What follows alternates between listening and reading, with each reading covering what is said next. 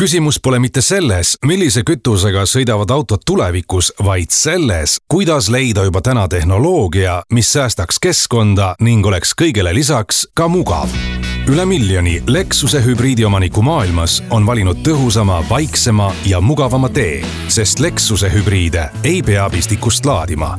auto laeb end sõidu ajal ise uus iselaadiv hübriid Lexus NX ootab sind proovisõidule Lexus Tallinna esinduses. Kuku raadios välja öeldud seisukohad ei pea ühtima Kuku raadio seisukohtadega. Te kuulate Kuku raadiot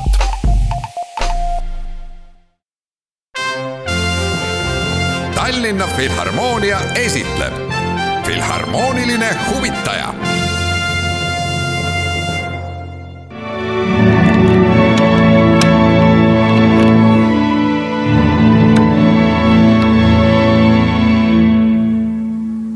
Tere päevast, head kuulajad! ma ei tea, kui hästi te neid helisid kuulsite. ma seisan praegu Mustpeade majas saali ukse taga, kus Tallinna Kammerorkester teeb proovi õige pea proov lõpeb ja me saame rääkida peadirigent Risto Joostiga.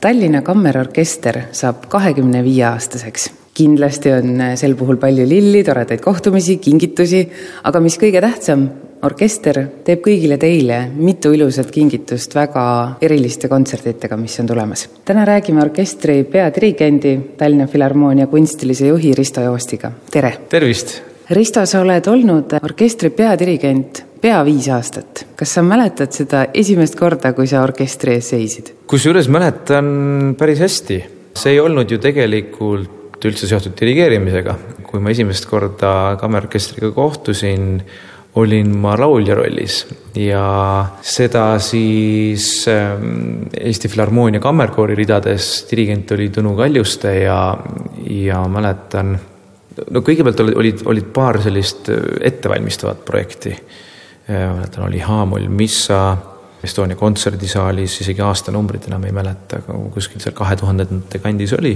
ja siis äh, ma solistina niimoodi ametlikult laulsin Vivaldi, seal olid psalmid ja mul oli üks soolonumber ja üks duett koos Mati Turiga, seda mäletan äh, hästi. Ja siis oli olid kontserdid Eestis ja turnee siis Ameerikas, nii et see oli minu esimene kohtumine, nii et see oli põhimõtteliselt ikkagi kaks aastat enne seda, kui äh, ma sain ametlikult kammerorkestrit ise dirigendina äh, juhatada. Ja see oli siis aastal kaks tuhat kolm, kui siis Eesti muusikapäevadel ma esimest korda äh, maestro Eri klassi kutsel siis kammerorkestri ees olin ja tõesti on meeles veel, et, et olid nõudlikud teosed ja, ja kohe esimeses proovis oli närv nii suur, et läks kohe sassi esimese kümne minuti jooksul.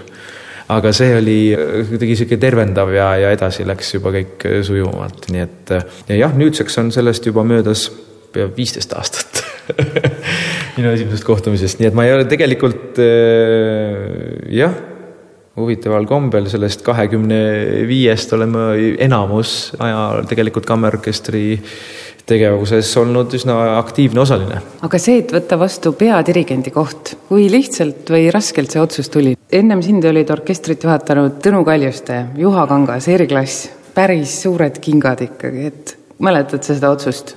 jaa, no minule ei olnud ausalt öeldes see otsus väga keeruline, sellepärast et jah, tõepoolest, no ikkagi Eesti muusika ja Soome muusika suurkujud seda orkestrit on ju juhtinud ja oma ideid ehm, siia investeerinud. aga samal ajal olin mina tõepoolest selle orkestri noh, ma võiks öelda isegi ju muusikuna eh, ju üles kasvanud nüüd tõepoolest juba, juba selleks ajaks kümme aastat ja, ja ma olen isegi, mul tuleb meelde ühel äh, tuuril Eesti Filharmoonia Kammerkoori ja Tallinna Kammerorkestriga mänginud suurt trommi Arvo Pärdi teoses Fratres. nii et ma olen isegi orkestris korra kaasa mänginud sõna otseses mõttes. nii et seetõttu, kui orkester selle ettepaneku tegi mulle peadirigendiks asuda, see ei olnud minu jaoks väga keeruline, ta oli loomulikult vastutusrikas ja, ja ootusärevust täis, aga mitte keeruline otsus et seda ma kindlasti ei kartnud, vaid pigem ootasin suure uudishimu ja, ja, ja, ja sellise teotahtega. milline on hea peadirigent? no ma arvan, et kõige tähtsam on võimalikult hea üksteise mõistmine ja et see energia läheks kõik ikkagi musitseerimisele. ja kui muusikas üksteist mõistetakse, siis ma arvan, sujubki koostöö väga ladusalt. on see sul õnnestunud, kuidas orkestril praegu läheb? ma arvan, et orkestril läheb äh, väga hästi ja, ja seda on võimalik tegelikult olnud öelda iga aasta. et orkestril on läinud iga aasta järjest paremini.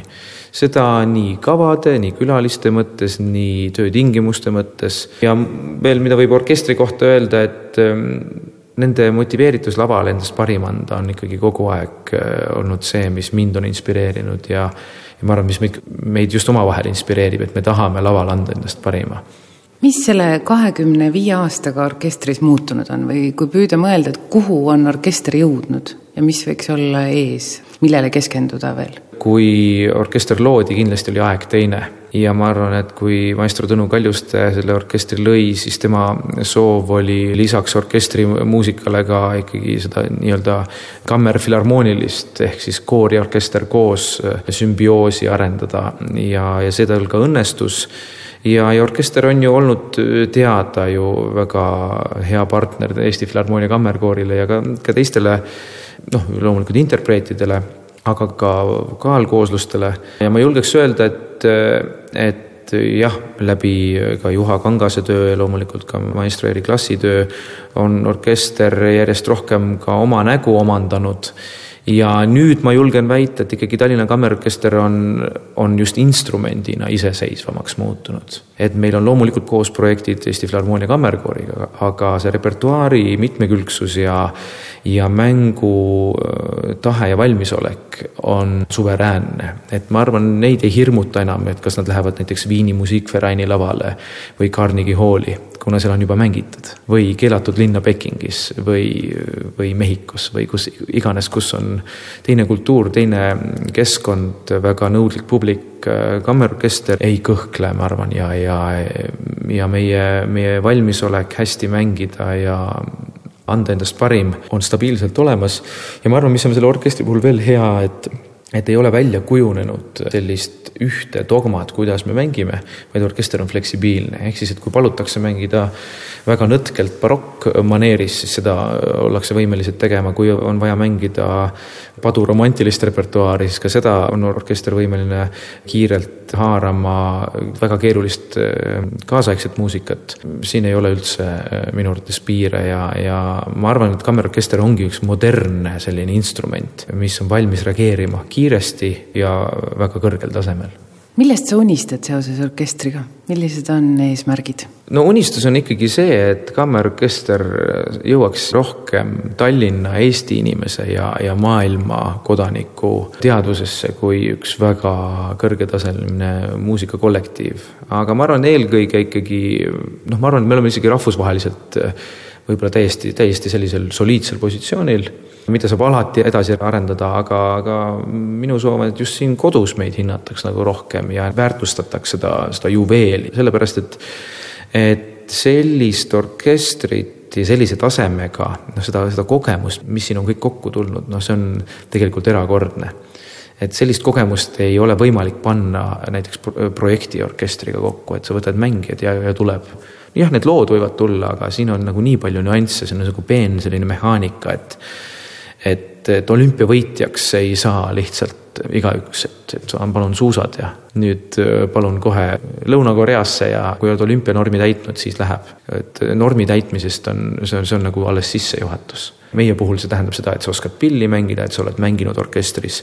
see on ikkagi aastakümnete pikkune kogemus ja, ja just nende väga heade interpreetide, solistide ja dirigentide energia, mis on orkestriga vahetatud ja, ja loomulikult mängijate enda kogemus, mis on kogetud nii solistina, kammermuusikuna, orkestris, see, see on ainulaadne.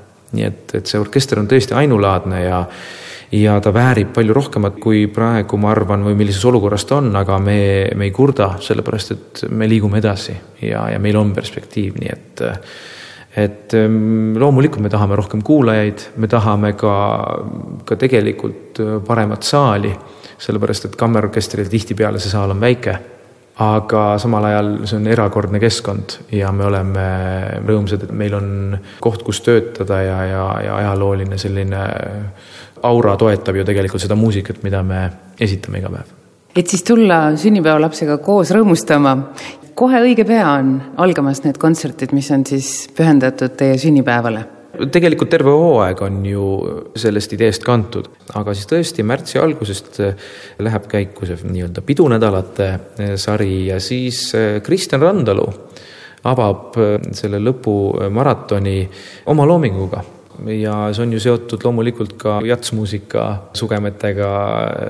ma arvan, et publikul on nagu sellist meeldivat, sellist võib-olla jah, ühest küljest äratundmist, aga, aga teisest küljest sellist värsket repertuaari saab siin kuulda märtsi alguses.